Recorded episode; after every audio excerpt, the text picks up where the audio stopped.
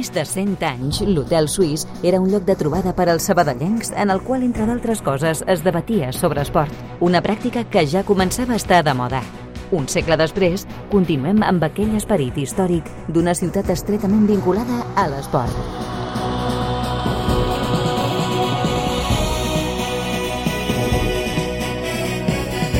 Hotel Suís, amb Adriana Royo.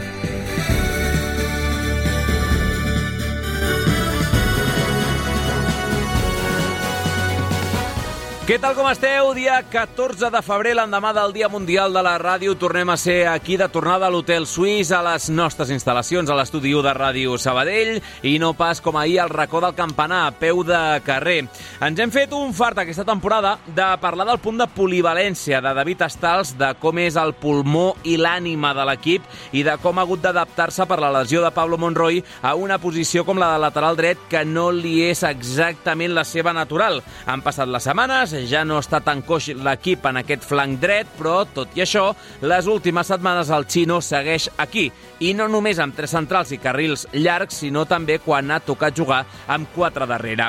Jordi Calavera, per cert, amb bones notícies, de seguida ho expliquem, va estrenar-se a les Gaunes, però ho va fer de central extern, no de lateral dret en línia de 4. I aquest últim partit se'l va perdre, el de Cabra del Camp, per problemes musculars. Un té ganes de veure, sincerament, una banda dreta amb el tarragoní de lateral i el del Poble Nou una mica més alliberat, més a prop de l'àrea rival. El seu orgull i amor propi és innegable, però la pólvora que té la podria aprofitar també l'equip uns metres més endavant, sense haver de sacrificar-se tant en defensa. Si la idea, a més, és anar a buscar els rivals ben amunt, sense cap mena de dubte és una arma excepcional per iniciar molt alta la pressió. Només el temps ens acabarà dient on es consolida Estals, ja no dic aquí a Sabadell, sinó a la seva carrera futbolística, si com a lateral, si com a pivot, com també l'hem vist aquesta temporada a l'inici, o fins i tot com a extrem, que segurament seria el seu lloc, el seu rol més natural. Tot l'esport de la ciutat, d'una a dues a l'Hotel Suís de Ràdio Sabadell. I no vull afegir deures al Sergi, però podria ser una bona pregunta avui que el tenim en roda de premsa. Amb el Toni González, a les vies de so, comencem. Què passa fora de l'hotel en un minut? Que avui és la segona tongada dels partits dels vuitens de final de la Champions masculina de futbol. És el torn de la Real Sociedad, que a les 9 visita a París al PSG, al Paris Saint-Germain, a la mateixa hora, però a l'Olímpic de Roma, Lazio Bayern de Munic. Ahir, en els primers partits d'anada, sense sorpreses, el Real Madrid va guanyar per 0-1 al Leipzig, això sí, amb polèmica, per un gol anul·lat als alemanys tot just al minut 2 de partit, i a Dinamarca, Copenhague 1, Manchester City 3. Avui també torna una altra Champions, la d'handbol masculina masculí, dos mesos després de l'últim cop, a tres quarts de set el Barça visita la pista del GOC danès. I per últim, a la Lliga Nacional de Futbol Sala, a Santa Coloma Indústries Penyíscola, a Valdepenyes tindrem un Vinya al Bali. Barça, els dos comencen a les 9. I aquí a l'Hotel Suís el sumari conté tot això. Es comenta a la recepció? Poques vegades hem comptat tants esports en un mateix programa com el d'avui, com a mínim 11 o 12. Tenim la roda de premsa de David Estals d'aquí a 10 minuts mal comptats en directe des de la nova Creu Alta. Parlarem de futbol juvenil, de segona catalana, tindrem el Mundial de Doha de waterpolo i de natació, tir olímpic, l'OAR femení que juga avui a Mataró, ciclisme, futbol sala, esgrima, vòlei, tenis taula o rugbi l'actualitat de la primera ref. Juri ha passat per roda de premsa avui per valorar els seus 500 partits a la Ponferradina, parlant de Terres Lleoneses i del Bierzo, esgotades les entrades pels sectors de tribuna i de preferència est pel derbi Culto Ponfe al Reino de León. A Unionistes de Salamanca, un dels que acaba d'arribar, Dani Nieto, pateix una lesió al lligament lateral intern del genoll esquerre. A més, el partit Barça Atlètic Rayo Majadahonda s'endarrereix una hora. Serà diumenge, però a les 7, no a les 6. I per últim, recuperem la curiosa speaker que van tenir el Nuevo Arcángel de Córdoba, la Marina, de només 6 anyets. Lado que nos va a echar una amiga y va a ser la protagonista del partido, que será nuestra speaker, que se llama, ¿cómo te llama? María. ¿Y qué edad tiene? Seis años. En el número 22, Johnson Diarra. Con el número 23, Cristian Carreceo.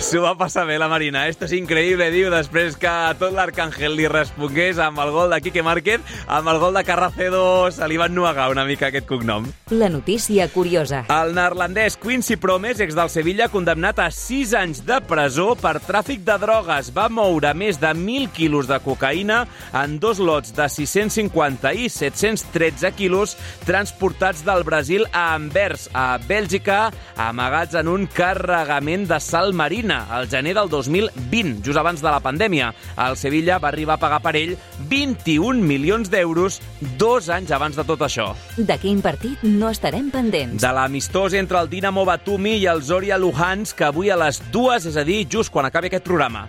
I a les xarxes socials. A l'Instagram del club del Natació Sabadell feliciten el Dia de Sant Valentí amb un muntatge de Fran Valera fent de Leonardo DiCaprio el Gran Gatsby. Avui celebra el seu aniversari. Acabem felicitant precisament una llegenda del Natació Sabadell, l'ara tècnic, l'exnedador, en el seu dia recordman mundial d'esquena Ashvin Bildebur i també una jove promesa ja consolidada al primer equip del Centre d'Esport Sabadell. Avui suposo que haurà portat crusanets a la nova Creu Alta Marc Marruecos. Hotel Suís. De dilluns a divendres a Ràdio Sabadell.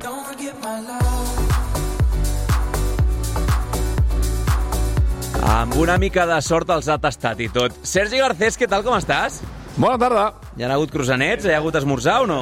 Doncs mira, no, no, no en tinc constància eh, de que hi hagi hagut avui esmorzar per part de Marc Marrocos. Ara li preguntaré a algú si, algú, si el de Barberà s'ha estirat una mica o ho ha deixat per un altre dia. Bé, bé, bé, un dels joves segur que aquí els veterans estan apretant perquè Marro s'estiri i porti un esmorzar, un pica-pica... Home, un... ell, ell, ell que ve d'haver tastat futbol amateur, eh, futbol territorial, És Adri, no clàssic, sé si eh? fins i tot una caixeta d'estrelles, eh? sí, Ah, sí. eh. El futbol territorial portes crusanets i potser... També és veritat que entrenen a la nit i potser no entra tan bé, no?, a segons quines hores un crusanet, però vaja, sí, sí, sí, totalment d'acord. Segur que, que a Rubí o al Sabadell Nord li ha tocat de, de pagar alguna caixa de cerveses.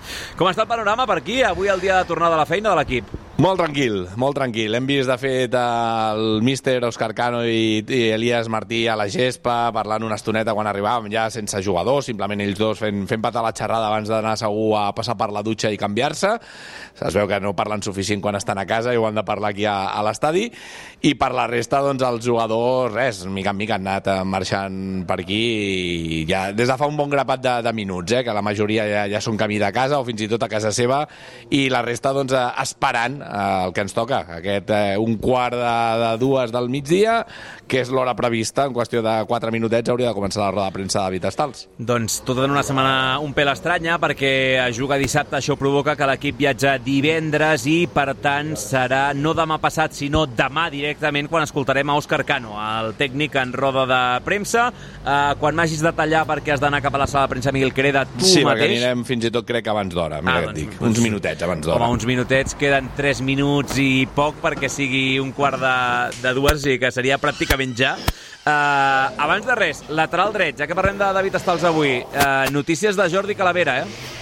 Sí, sí, sí, i bones notícies, o com a mínim, com veníem de la mala dinàmica... Ui, mira, hem baixat, ja està aquí el protagonista esperant a la porta de la sala de premsa. Doncs res, ara, després parlem. Hem de parlar de Sander també, per cert, eh? Doncs, eh, sí, sí, ho tinc- Noms propis avui del dia. Ho tinc apuntat. Anem amb la roda de premsa, no? Per tant, ja? Sí, sí, sí. Doncs vinga, va, en directe a Ràdio Sabadell, el xino, David Estals, eh, 3 minuts per un quart de dues.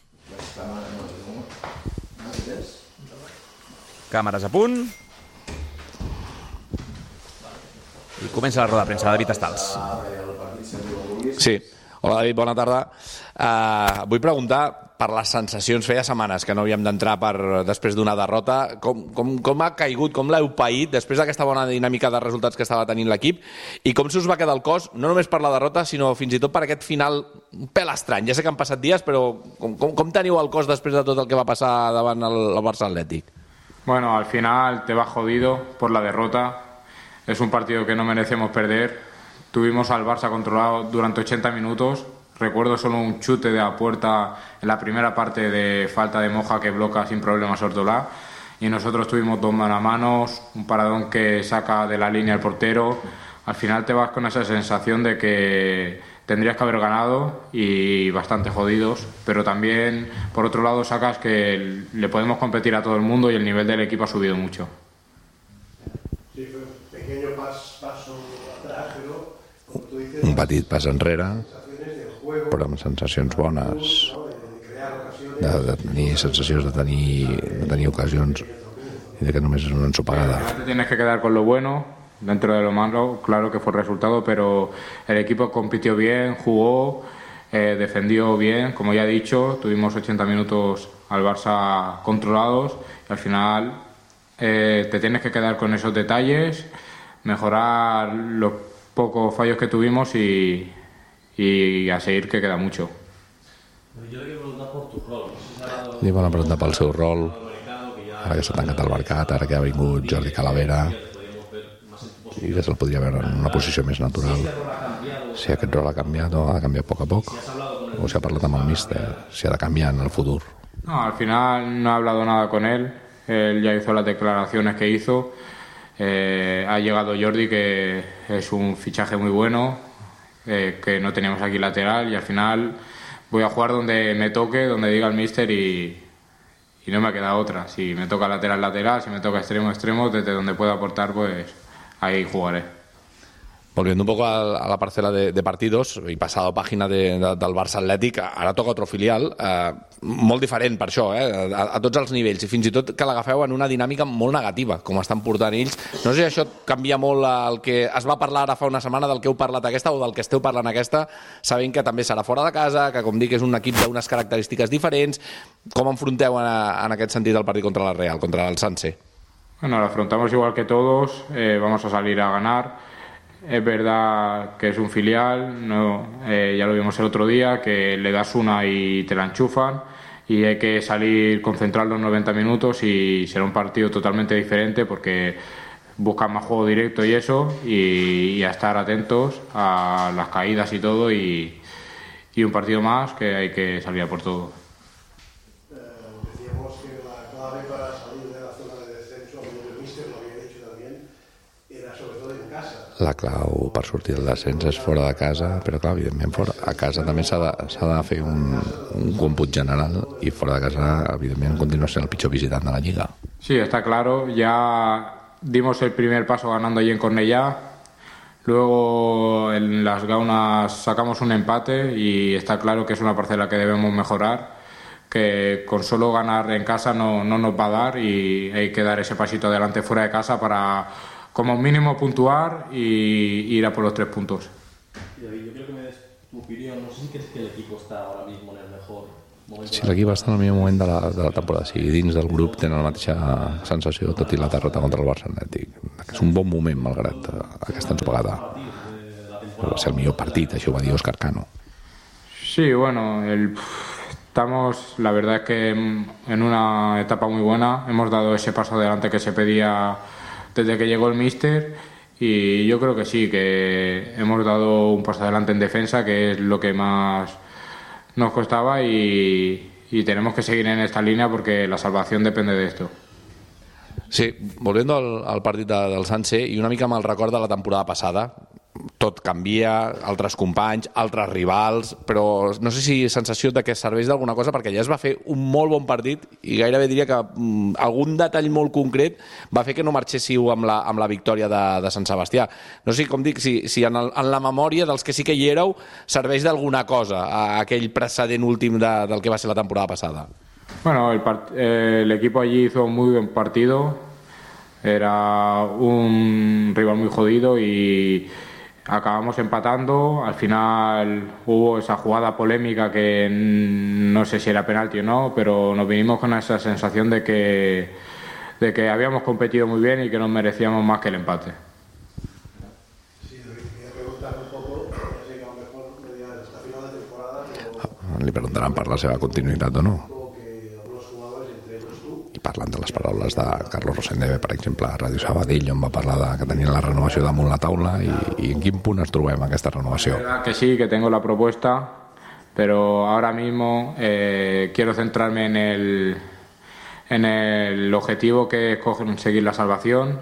Verdad que me siento muy querido aquí, pero lo que menos quiero, renueve o no, es irme. sin conseguir el objetivo. La verdad es que me dolería mucho, pase lo que pase, que este, cli- que este club, la afición y todo, baje de categoría.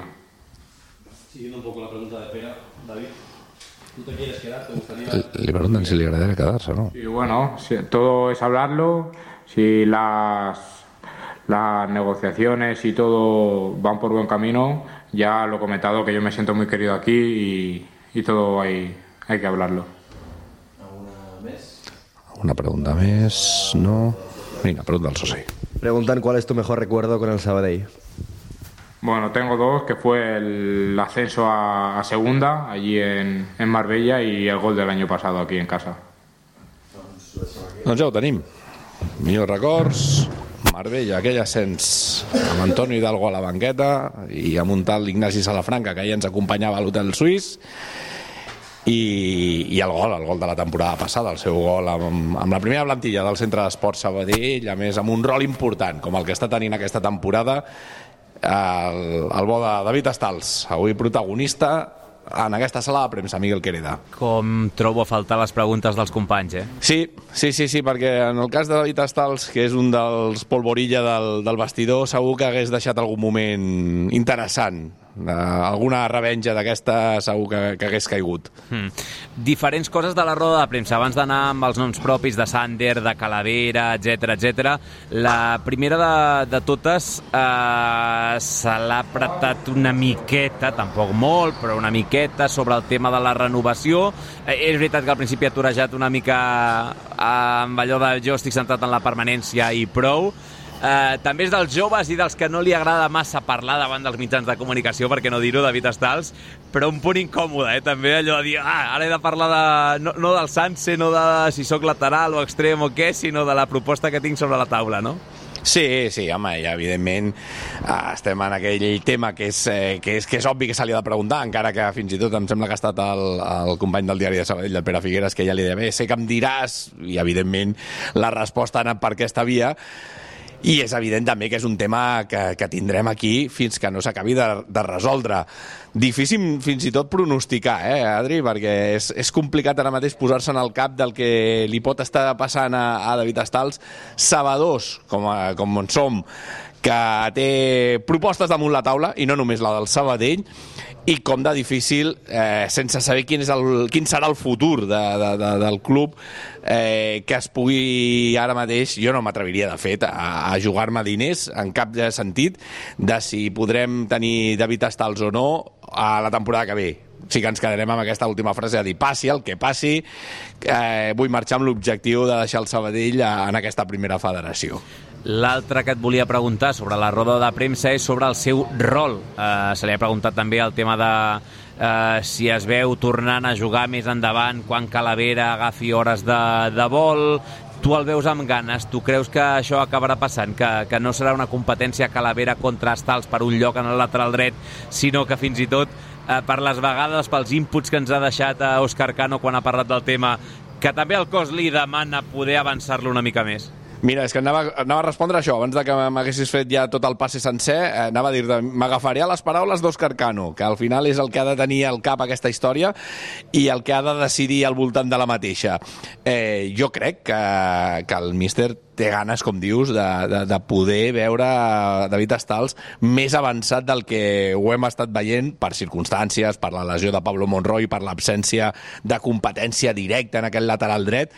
Crec que ara, un cop Jordi Calavera entri realment en la, en la roda, crec que Òscar Cano uh, tindrà un problema afegit, que és saber com mou peces de mig camp en endavant per poder encabir o no a, a David Estals un cop abandoni aquesta posició al, a la rereguarda, en aquesta zona defensiva. I llavors vaig un punt més enllà. I tu, a David Estals, on el veus eh, desenvolupant la seva carrera? Perquè al final és un tema molt recurrent i com és un perfil tan eh, polivalent i, i que és tot cor i allà on el posis, jo crec que el posaries de porter i encara no, no ho faria del tot malament. Eh, clar, l'hem vist de pivot, l'hem vist d'extrem, l'hem vist de lateral, l'hem vist amb línia de 4 al darrere, amb línia de 5, o sigui que s'adapta a totes les posicions, però arribarà un moment en el que tu miraràs cap enrere i diràs, ah, doncs David Estals, tot i ser polivalent, allà on es va fer fort va ser jugant d'això, tu t'animaries, tu t'arriscaries a dir a quin rol li escau més? A mi m'agrada quan, quan, clar, també potser per haver-lo vist a, a l'Olímpia en alguna ocasió. No puc ara tampoc fer veure que, que he seguit la trajectòria cada 15 dies de quan era jugador, per exemple, del juvenil, però sí que m'agradava molt aquesta capacitat que tenia de, de metres finals, de, de, de desborde, d'atreviment a la part ofensiva, jugant per banda, ben obert, com dic, descarat com és, eh, emprenyador com és també amb, la, amb les defenses, a mi és uh, on més m'agrada David Estals, però també és el que diem, a vegades és una, una sort això de ser polivalent, altres vegades et pot jugar fins i tot en contra, dir, puedo servir de todo però no soy especialista en casi nada, no? Mira, ara sí que se'n va el Marruecos, eh? Felicitats, eh? Ara sí. doncs per aquí se'n va, era dels últims en sortir d'aquest vestidor. Deia això, Adri, a mi, a mi és que m'agrada més, però és cert que ens hem acostumat tant per obligació, per circumstàncies, a veure el de carril dret que fins i tot ara eh, em costa no veure'l allà com a un jugador que li pots donar tot el carril i que faci tota la banda seva. Però bé, veurem, veurem. Sobretot la part important, que ens hem quedat a, amb aquest tema just quan començava la roda de premsa, el primer de tot és eh, veure quina disponibilitat o no hi ha amb Jordi Calavera ja tenint en compte que el partit és dissabte, que mm. aquesta setmana és un pèl més curta. Sí, sí, bona, bona assistència. Uh, ho deia i ja repeto amb això, ja no faig cap repregunta més. Uh, per, per gent, perfil Chomin, perfil uh, Joshua Coidi, que ha anat tirant cap enrere al llarg de la seva carrera. Fins i tot Emilio Nsue, que va començar com a davanter i ha acabat com a lateral a Intercity. Per cert, bon enrenou tenen a Guinea Equatorial amb ell i amb un amic de, dels arlequinats com és Ivan Salvador, que, que han estat apartats de la, de la selecció selecció, mm, però vaja, eh, més com a curiositat i per sucar-hi una mica més de, de pa de gent de la categoria que no passa una altra cosa. Dit això, a veure, Jordi Calavera, dèiem la setmana passada que no va entrar a la convocatòria per molèsties musculars. Uh, estava pendent de proves, les primeres el que havien dit és que no s'apreciava uh, cap estrip greu, per tant calia tornar a revisar la zona i de moment els pronòstics són esperançadors. Sí, eh, bones notícies, ja dèiem, eh? acostumats com estem a haver de dir doncs eh, ha sortit un, un trencament, s'haurà d'estar dues, tres, quatre setmanes, aquí estem parlant d'un micro, micro, micro, micro trencament, tant és així, Adri, que avui ha pogut completar pràcticament tota la sessió preparatòria en el dia de tornada a la feina amb els seus companys, aquí a l'estadi de la Nova Creu Alta, per tant, bones notícies per, per Òscar Cano i bones notícies pel propi Jordi Calavera, i tant és així, reitero, que fins i tot mm, m'atreviria a dir que gairebé dependrà més de les seves sensacions i de com es noti ell i de com de valent, que s'entengui, eh, aquest punt de valentia, eh, pugui ser a l'hora d'arriscar-se, per dir-ho així, les seves possibilitats, insisteixo, primer, d'entrar en convocatòria, que jo crec que, que entrarà pràcticament amb, amb tota seguretat, a no ser que tingui algun contratemps de, en els pròxims dies, i veurem fins i tot si per tenir minuts importants ja a Zubieta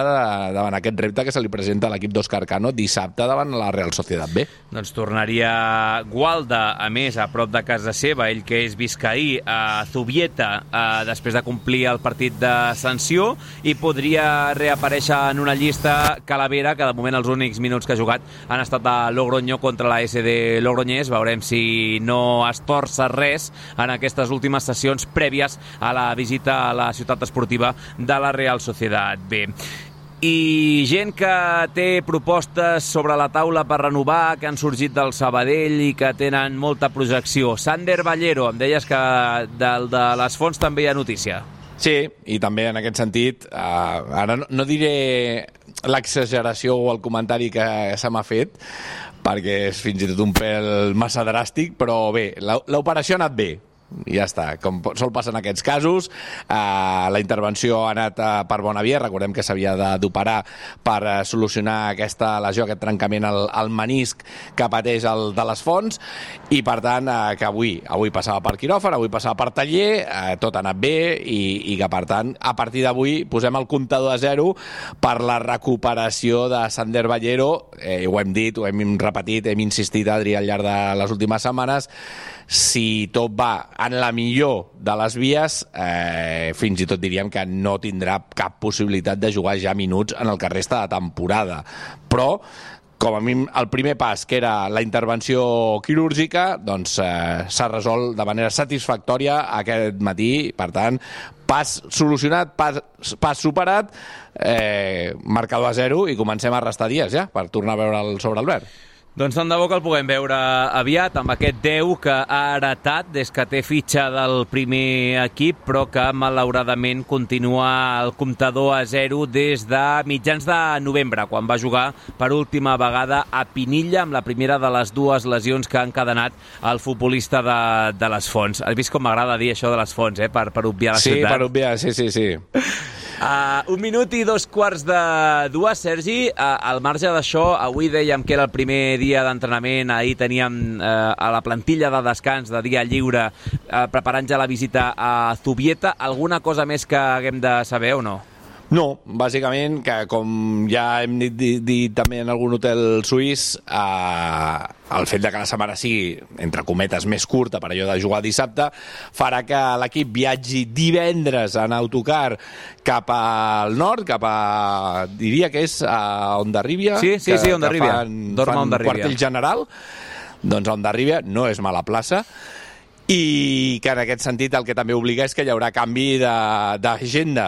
La roda de premsa habitual dels divendres d'Òscar Cano eh, es passa a demà, per tant, demà en directe a l'Hotel Suís, si no passa res, escoltarem les declaracions d'Òscar Cano prèvies a aquest partit de dissabte, recordem, 6 de la tarda, des de mitja horeta abans, com sempre, amb tota la tropa de Ràdio Sabadell. Serà la segona setmana consecutiva que ens quedarem sense escoltar ningú del rival. Després del Futbol Club Barcelona, la Real Societat també és d'aquells clubs que no permet als seus integrants poder fer declaracions i, per tant, ens quedarem sense poder saludar en directe a Sergio Francisco, l'entrenador d'aquest Sanse. Si no em dius el contrari, per tant, Sergi, recollir mestres i cap aquí, no? Doncs molta tranquil·litat ara mateix a l'estadi, amb els coloms com a protagonistes, damunt la gespa de, de la nova Creu Alta. A veure si estan berenant ells. En comptes de berenar la plantilla amb, amb Marc Marruecos, són ells els que s'estan fotent uh, les llavors, perquè déu nhi uh, la, la, la quantitat de coloms que arriben a, a evitar la nova Creu Alta. Gràcies, Sergi, una abraçada. Fins ara. Fins ara. L'Hotel Suís obre les portes a l'esport de Sabadell.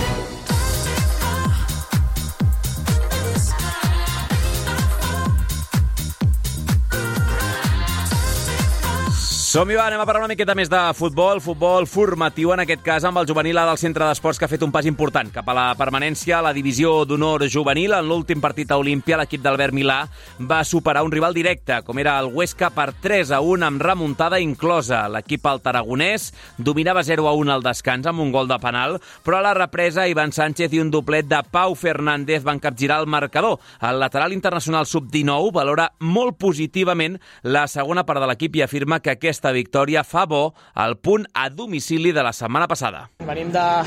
Sí que és veritat que una, un començament de la segona volta difícil, on traiem un punt de, de 6 contra dos equips que, que bueno, són de zona baixa, són, són rivals directes, i bueno, eh, al final vens d'empatar contra un equip poderós que està a Copa del Rei, avui fas un part, una segona part increïble per remuntar un, un 0-1 bastant injust, sincerament, però bueno, molt content per l'equip, la veritat que, que s'ho mereixia, està treballant molt bé aquestes, aquestes setmanes i, i molt merescut. De fons a tot això, l'himne del centre d'esports perquè el juvenil va jugar just abans que el primer equip i des d'Olímpia s'escoltava la megafonia de l'estadi de la nova Creu Alta. Un Fernández que també ha afirmat que aquest doblet li dona moral, és lateral, no és la seva principal funció i es mostra feliç de poder aportar també el seu granet de sorra en el joc ofensiu de l'equip. La veritat que, que calia, feia falta un partit així, em feia falta agafar confiança, sí que és veritat que portava uns partits que, que no acaba de trobar la meva millor versió i bueno, avui molt feliç per mi, per l'equip sobretot, i bueno, tant de bo poder seguir ajudant a l'equip amb gols, assistències, bon joc, tot el que vingui serà benvingut. El Sabadell amb aquest triomf ja n'acumula 3 de jornades seguides sense perdre i s'ha situat novè, 6 punts per sobre del descens i el Mercantil, per la seva part, ha tancat el seu turmalet, els tres primers en les últimes 3 jornades, amb una contundent derrota, golejada 4-0 a la Dani Jarque a Sant Adrià del Besòs contra el líder, l'Espanyol. Dos gols dels Pericos abans del descans van deixar encarrilat ja el duel. Carlos López, el tècnic blaugrana, considera justa aquesta derrota, tot i la millora de l'equip a la segona meitat. L'equip només havia perdut de més d'un gol una vegada contra el Barça a casa, a la jornada 3, i la veritat és que, bueno, penso que van haver-hi dues parts molt diferenciades, perquè sí que és cert que la primera part l'equip no va entrar gaire bé el partit, però l'Espanyol a, a pilota parada va ser molt contundent i va aconseguir posar-se 2 a 0.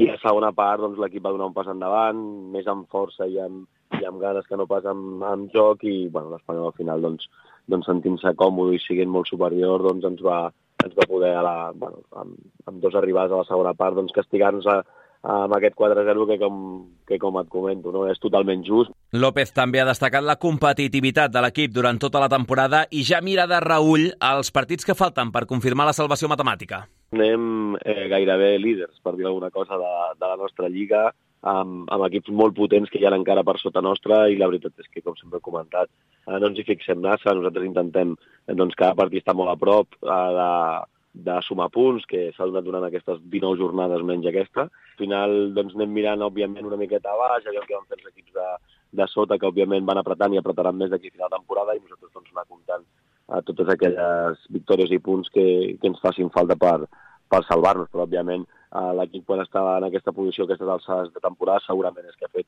um, coses molt bé durant, durant tot l'any. Tot i la derrota, el mercantil continua setè, lluny de les posicions de perill, però ja només un punt per sobre del centre d'esports.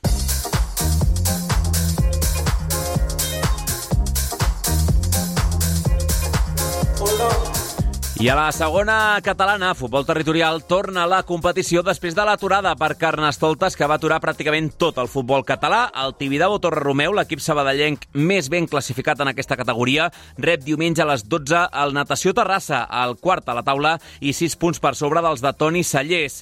L'entrenador dels blanquivermells confia a guanyar el duel i aprendre dels errors del partit de la primera volta en què van caure, recordem, a terres sagarenques per un clar 3 a 0. Allí sí que es verdad que bueno, fue un partido desastroso, el equipo no, no estuvimos bien en ninguno de los factores, pero bueno, también es la segunda jornada de, liga, es un campo complicado, son jugadores que, que, bueno, tienen calidad y si no estás al 100%, pues bueno, te machacan como nos hicieron, pero ya te digo que, que este partido lo estamos preparando bien, yo estuve allí, los conozco bien y sé cómo, cómo hay que prepararlo para ganar y creo que, que así será. Recordem que el Tibidabo en l'última jornada va veure tallada al camp de l'Olímpic en Fatjó la ratxa de 7 partits seguits puntuant, amb els mateixos 29 punts i el Canrull Rómulo Tronchoni, que ha sumat 10 dels últims 12 i que dissabte a dos quarts de 5 visita el Vic Riu Primer, el rival de la zona mitjana de la taula, amb una ratxa semblant a la del conjunt de la zona oest. Alejandro Mayen, central del Canrull, destaca la igualtat que es veurà sobre el terreny i confia en mantenir la bona dinàmica dinámica que ara.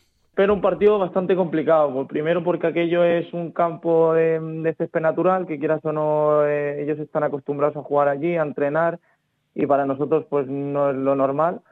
Entonces eh, yo creo que será un partido muy competido, muy igualado y al final es eso, como cada partido de, de este año se acabará decidiendo por, por pequeños detalles y bueno, esperemos que, que puedan ser a favor nuestro i que, i que sigamos la dinàmica que, que llevamos hasta ahora. I al tercer en discòrdia, el Sabadell Nord, que és novè amb 24 punts, rep diumenge a dos quarts de 12 a Canuriac el Ripollet, el segon classificat, i amb un moment de forma espectacular, amb quatre victòries consecutives, totes per més de 3 gols i deixant la porteria a 0.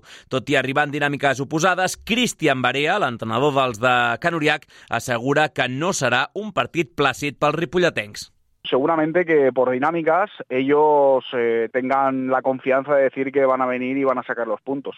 Pero yo tengo la, la certeza de que fàcil, fàcil no se lo vamos a poner para nada, eso seguro.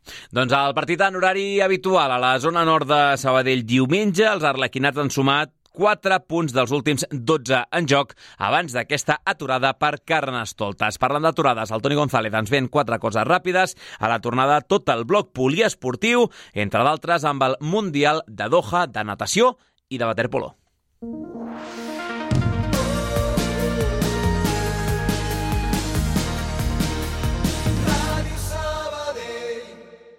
Des del 1930, el Mercat Central de Sabadell ens proveix de productes excepcionals. Avui dia conserven aquesta qualitat, però, a més, també miren per la comoditat dels nostres clients. Al Mercat Central tenim servei de cangur. Mentre fas les teves compres, els teus fills es diverteixen. Al Mercat Central tenim servei a domicili per a persones que el seu temps és or. I si vols anar amb cotxe, tens pàrquing gratuït amb carros de compra perquè no portis pes. El Mercat Central de Sabadell mira per tu. Vine al Mercat Central. Som Sabadell. Sabadell en joc. Després d'una derrota, el més important és refer-se ràpidament. El Sabadell té ara una oportunitat immillorable per donar un cop de puny damunt la taula. Ara l'objectiu dels dos Carcano és el de tornar al bon camí i, de pas, no perdre de vista el tren de la permanència. Sabadell en joc. Passió arlequinada. Dissabte a dos quarts de sis de la tarda i des de la ciutat esportiva de Zubieta, Real Societat B, Centre d'Esport Sabadell. Segueix la transmi amb la narració del Sergi Garcés, els comentaris de l'Adriana Arroyo i la direcció del Pau Vituri.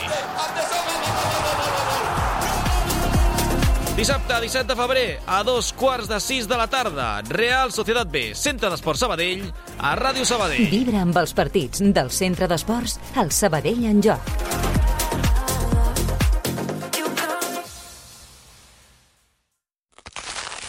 Ets un panarra. T'agrada el pa de debò, cruixent amb molla esponjosa i l'aroma de l'autèntic pa. A Valero també som uns apassionats del pa.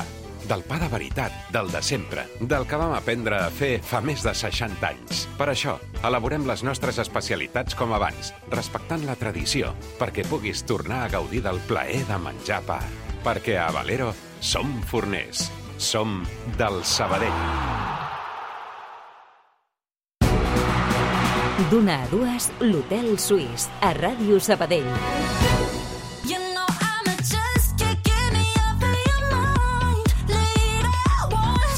20 minuts i les dues d'aquí just aquests 20 minuts hi ha una Espanya-Estats Units partidàs de waterpolo amb les 5 representants de l'Estalpul Natació Sabadell. Home, waterpolo, Pau Vitorí, com estàs? Bon dia, Adri. Partidàs contra la bèstia negra dels últims anys de la selecció espanyola i, com deies tu abans a la redacció, i segurament de gairebé tothom, un clàssic de seleccions que té com a premi un bitllet, ni més ni menys que per una final de Mundial del de Doha. Doncs sí, uh, les, les uh, estatunidenques amb l'ex del club Magui Stephens, uh, la plantilla, uh, podríem dir que sempre són favorites en aquesta mena de tornejos i de partits, però han deixat entreveure ja en els últims campionats que segurament ja, són, uh, ja no són aquell equip intocable eh, dels últims anys. En aquest Mundial, perquè ens fem una idea, han guanyat de dos als Països Baixos a la fase de grups i a quarts van patir un ensurt gros contra Austràlia perquè eh, guanyaven 10 a 4, però gairebé les australianes eh, remunten el partit amb 5 gols consecutius. De fet, no són les vigent campiones, o sigui, és No. Països Baixos. Sí, sí, correcte. Va ser els Països Baixos a Fukuoka qui va guanyar el, el Mundial. Miki Oka ha parlat en les últimes hores, el seleccionador estatal, recordant, però, que en aquests partits han de fregar pràcticament l'excel·lència. Son rivales que, aunque ejecutes una buena defensa y aunque en general hagas un buen partido, tienen capacidad para ganarte. ¿no? Entonces, repito, es una semifinal. ¿no? Entonces, una semifinal, el hecho de hacer un buen partido no es eh, garantía de que vas a ganar. Has de, has, de, has de hacer muy buen partido y superar al rival. Doncs a les dues, eh? insistim, d'aquí a 18 minuts i mig, aquest Espanya-Estats Units que es pot seguir en directe a Teledeporte.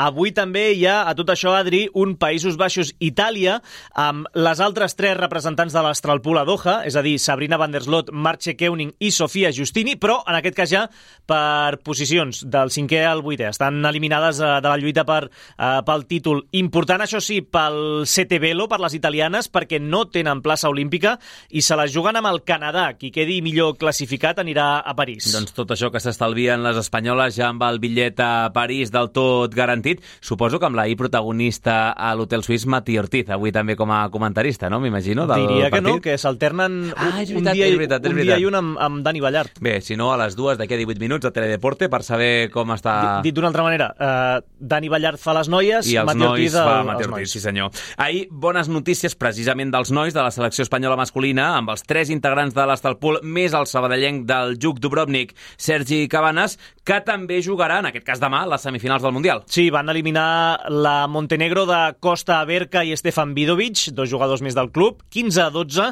i amb un gran parcial de 5 a 0 a la segona meitat, al tercer quart, a la represa, i també amb protagonisme de Dulorio, el porter del club i capità sota pals. El tècnic David Martín ressaltava el valor d'aquesta classificació.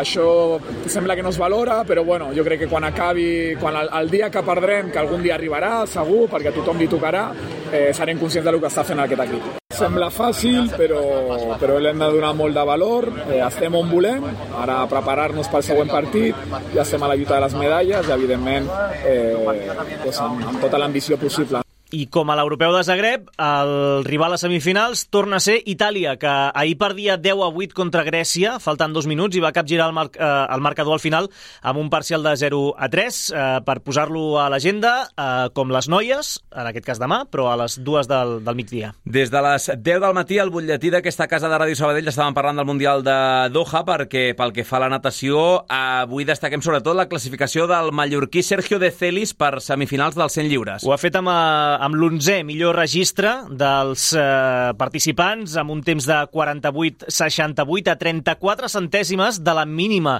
per anar a París. Estem parlant que aquesta tarda, per assolir aquest registre de 48-34, hauria de fer millor marca personal. Saltarà la segona semifinal a l'aigua, carril número 7, a partir de dos quarts de sis. Aquest matí també havia de participar Carles Coll en els 200 estils. Finalment no ho ha fet.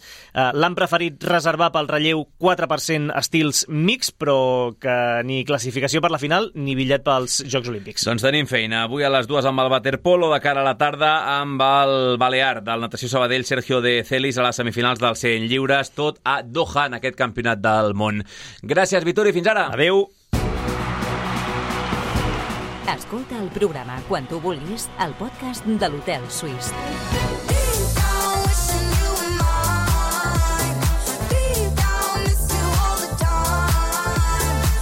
Tres quarts de dues, més cites internacionals. Chus Oviedo competeix aquest cap de setmana a Granada. Ho fa a la segona etapa de la Copa del Món de Tir Olímpic després de tornar de la primera a Egipte amb un bon regust, sobretot pel que fa al seu paper en individuals. Ara la competició fa parada a les Gàbies, a terres granadines. El tirador del Club de Tir Sabadell reconeix que arribarà allà amb bones sensacions. Estoy bastante contento respecto a las sensaciones que tengo de cara a esta competición porque bueno, estos últimos entrenos esto, durante estas semanas están yendo bastante bien. Me siento muy cómodo con el arma y, y tengo buenas sensaciones.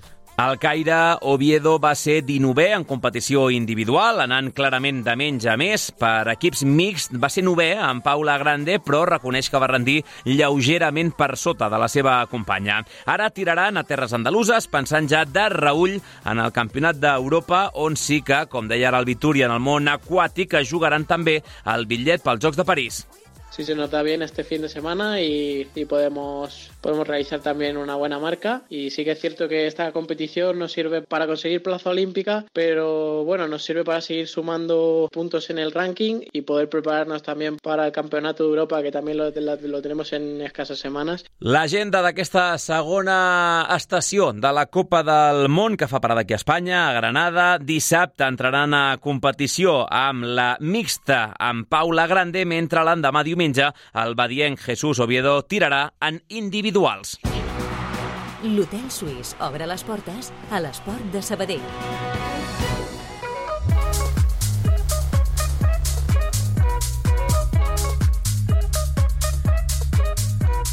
I avui mateix tenim esport, no a la ciutat, però sí amb representació sabadellenca. L'Oar Gràcia femení té l'opció de saltar la zona de fases d'ascens. Anna Clarà, la nostra estudiant en pràctiques, què tal, com estàs? Bona tarda. Bona tarda. El desavantatge de les verdiblanques respecte al segon classificat, és a dir, l'últim bitllet per fases, és de dos puntets, però les de Carol Carmona es posen al dia avui a la competició, concretament aquesta nit. Exacte, sí, juguen el partit ajornat fa setmanes a Mataró, amb la qual cosa, si fan la feina, poden anar a dormir empatades amb el segon classificat d'aquesta divisió d'honor plata femenina. Això sí, l'entrenadora Carol Carmona no espera un partit fàcil avui a la pista del Joventut en vol Mataró. Les rotacions les plantegem, després hem de veure a nivell de rendiment, les jugadores com estan, com es troben, a nivell de sensacions, eh, bueno, al final és també donar, donar minuts i que es trobin a gust a pista, que les coses li surtin bé i depèn molt d'això, de sensacions i de rendiment. A partir d'aquí tinc una plantilla que jo confio en, tota, en totes elles i intentar que surti qui surti ho faci de la millor manera possible. L'equip gracienc suma tres empats consecutius, despenjant-se una mica de la zona noble. Per contra, les mataronines són vuitenes amb 7 punts menys que l'Oar, però estan en bona dinàmica amb 3 triomfs seguits. Irene Garcia, jugadora gracienca, defineix el Mataró com un rival del tot imprevisible. És que Mataró és un equip com que mai saps què t'esperant en aquell partit. Trobo que tenen bones jugadores, però que de vegades fan molt mals partits. O sigui, és com que les vaig veure contra Ribes i penso, no ho entenc, però després ve Sant Joan i les guanya Sant Joan d'un al final, o sigui, sincerament és un equip que, que imposa, perquè al final sí, estan allà a mitja taula i no estan per la lluita de dalt, però és un rival on pots perdre punts perfectament al seu camp.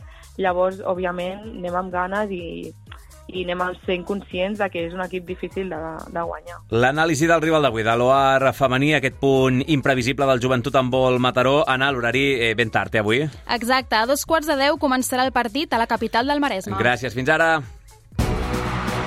Tot l'esport de la ciutat, d'una a dues a l'Hotel Suís de Ràdio Sabadell.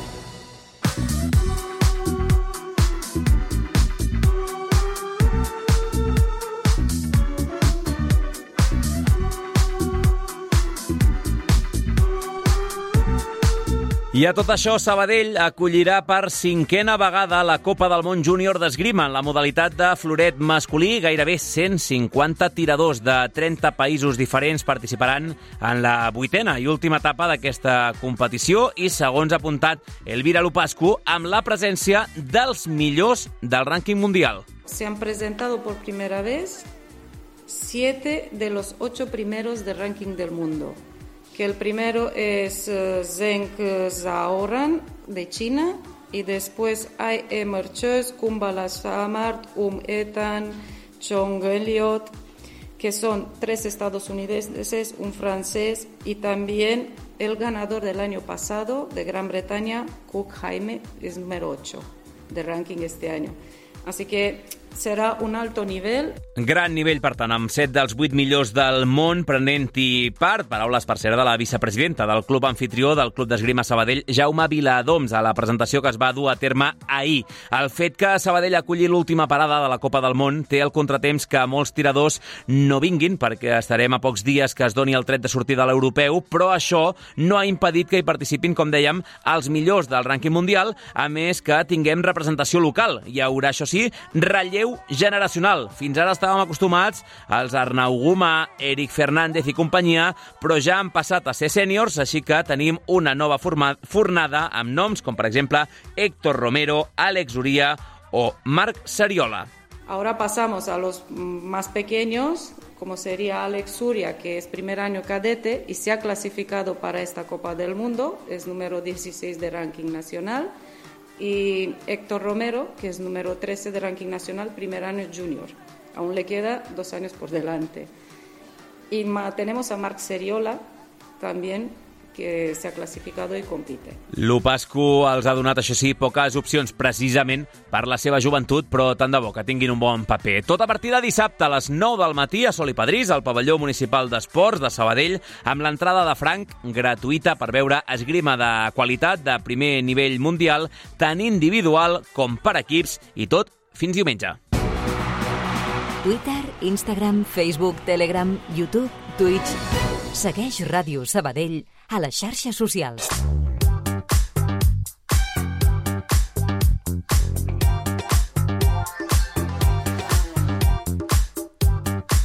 Anem al futbol sala, ja us dèiem al sumari que avui més d'una desena d'esports representats en aquest hotel suís. El Natació Sabadell ha trencat la seva sequera de set derrotes consecutives a la segona B de futbol sala masculí davant un clar candidat al descens com és el València. El club va golejar per 8 a 1 per treure's els fantasmes d'aquest 0 de 21 punts que acumulaven. Àlex López, golejador dissabte al nord i també el tècnic Pau Machado admeten que portaven setmanes passant-ho malament. És dur, és una situació dura, perquè treballes durant tota la setmana i arriba el cap de setmana i no tens el premi que busques. Però bueno, nosaltres eh, estàvem confiats, estàvem treballant bé i bueno, ja ha arribat la victòria que necessitàvem i ara a, a mirar cap amunt. Molt content, sobretot pels jugadors que feia molt temps que no, no tocàvem el camí de la victòria, hem patit moltes coses eh, que són internes i zero excuses, però bueno, hem seguit treballant com podíem i crec que avui ha sigut un just resultat i hem vist coses positives i bueno, sobretot trencar la mala dinàmica, que costa molt sortir, no? Amb aquest triomf el club és desè ara mateix, amb 27 punts, zona mitjana, zona tranquil·la, perquè no dir-ho, lluny de qualsevol perill pel descens, però també a molta distància de la part alta. Parlava ara Machado de moltes coses internes durant aquesta nefasta ratxa, quatre lesions greus i una cinquena baixa per motius laborals que han minvat el potencial nedador. Machado explica així com els ha afectat. Des de la setmana de la PIA hem tenir ja la, la, dos tres baixes ja confirmades. Eh, al final no hem tingut la sort de poder incorporar. Hem incorporat a l'Adri, que, que, que estic supercontent per ell perquè s'ha adaptat increïble i al final són cames. Eh, el nivell de l'entrenament pues, des del mes de desembre ha baixat i quan baixes el nivell d'entrenament en aquesta categoria el dissabte no, no t'arriba. I, i no és casualitat, els equips milloren, els equips eh, treballen i bueno, pues hem tingut aquesta mala sort que jo crec que és eh, incontrolable i al Nil també per motius laborals li surt una oferta que no pot rebutjar i s'ha de marxar. I bueno, no és excusa, al final amb els que teníem hem intentat lluitar, amb dies amb més encert, amb dies amb menys, a tot això, l'escola Pia suma 12 dels últims 15 punts també en aquesta segona B. Els de Can Colapi van allargar el seu bon moment amb la victòria 9 a 5 a casa contra un rival de la zona baixa, igual que el Natació Sabadell era el València, en aquest cas l'Almonacid. Amb tot, l'equip de Pedro Donoso ja és setè amb 29 punts. Un dels golejadors en l'últim partit, Aleix Canet, explica que tot i escapar-se ràpid en el marcador, van haver de patir una estona. Vam tenir la sort de, de marcar les primeres ocasions que vam tenir això ens va fer tenir una, una primera part bastant tranquil·la. Però després a la segona part ens vam posar 6 a 1, però sí que és veritat que a partir d'allà sí que vam tenir uns moments així de, de nervis perquè ells amb el joc de 5 ens van, ens van fer molt mal. No sé, crec que es van posar 6 a 4 en qüestió de 2 o 3 minuts i clar, doncs t'entra una mica la por, però després sí que és veritat que fins al final va ser allò de ara marcàvem nosaltres i ara marcàvem ells i, i sí que al final va ser una mica tranquil, però això, uns minutets de nervis. La situació, per tant, és còmoda la taula, superats aquests nervis i també les sensacions cada cop millors. Canet, de fet, reconeix que passen pel millor moment del curs. En qüestió de, de dinàmica i de joc, jo crec que, que segurament sí, junt amb el principi de la temporada, i bueno, és això, hem d'aprofitar per, per fer els màxims punts possibles ara i a final de temporada pues, estar el més a prop possible de, de la zona alta. Aquesta setmana la Pia visitarà el Montsant i el club jugarà a Cerdanyola. I ja que parlem de futbol sala, el grup Zarraona Nou Escorial ha caigut eliminat de la Copa Catalunya masculina. Els zarraonistes van caure clarament contra un equip de categoria superior, el Rubí, ahir per 0 a 7 al pavelló nord. Ja només queden, per tant, els dos representants de la ciutat de segona B, el Natació Sabadell i l'Escola Pia, que debutaran a partir de la pròxima ronda. Repassem d'altres informacions en format més breu.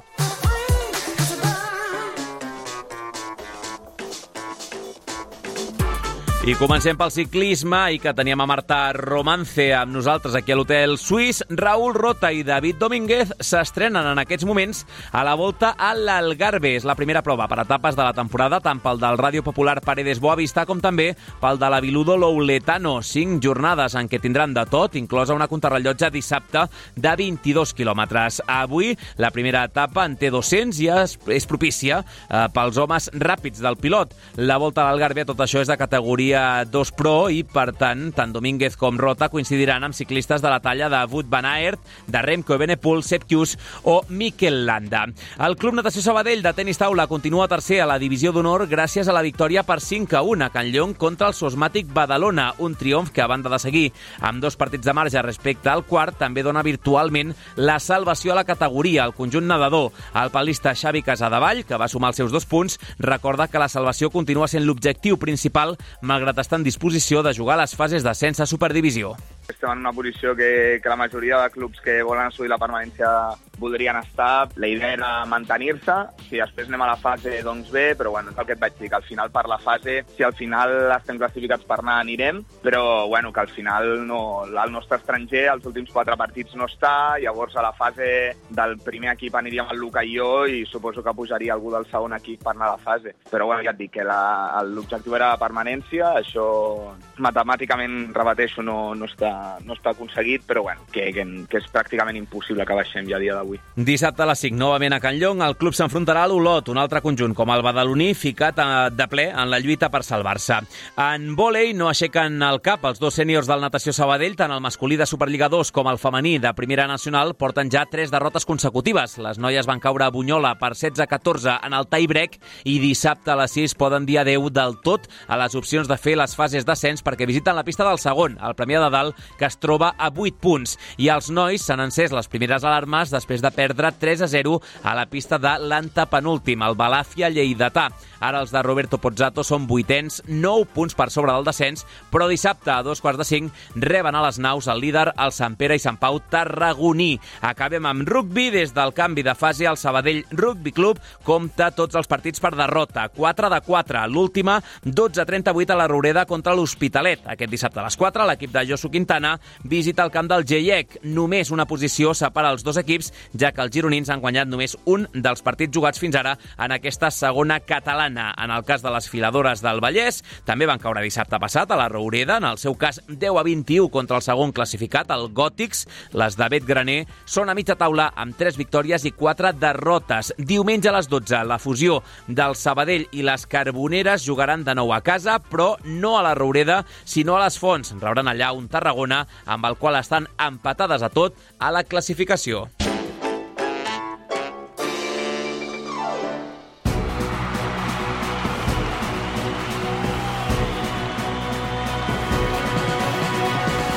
Gairebé són les dues, l'hora de l'Espanya-Estats Units de waterpolo femení, semifinals del Mundial de Doha i també l'hora aquí a Ràdio Sabadell del Notícies Migdia amb la Núria Garcia i tota la gent d'informatius. Recordeu, demà tindrem la roda de premsa d'Òscar Cano en directe aquí a l'Hotel Suís des de la una. Parlarem també del bàsquet 3x3 i la Copa que arrenca a Màlaga amb la presència del Natació Sabadell, a més de ciclisme, el que faci avui l'OAR femení a Mataró o el que succeeixi en aquest Mundial de Doha. Des del control de Sous envia una abraçada al Toni González. Us ha parlat l'Adrià Rolló en nom de la redacció d'Esports de Ràdio Sabadell. Que vagi bé aquest dimecres. Adéu-siau.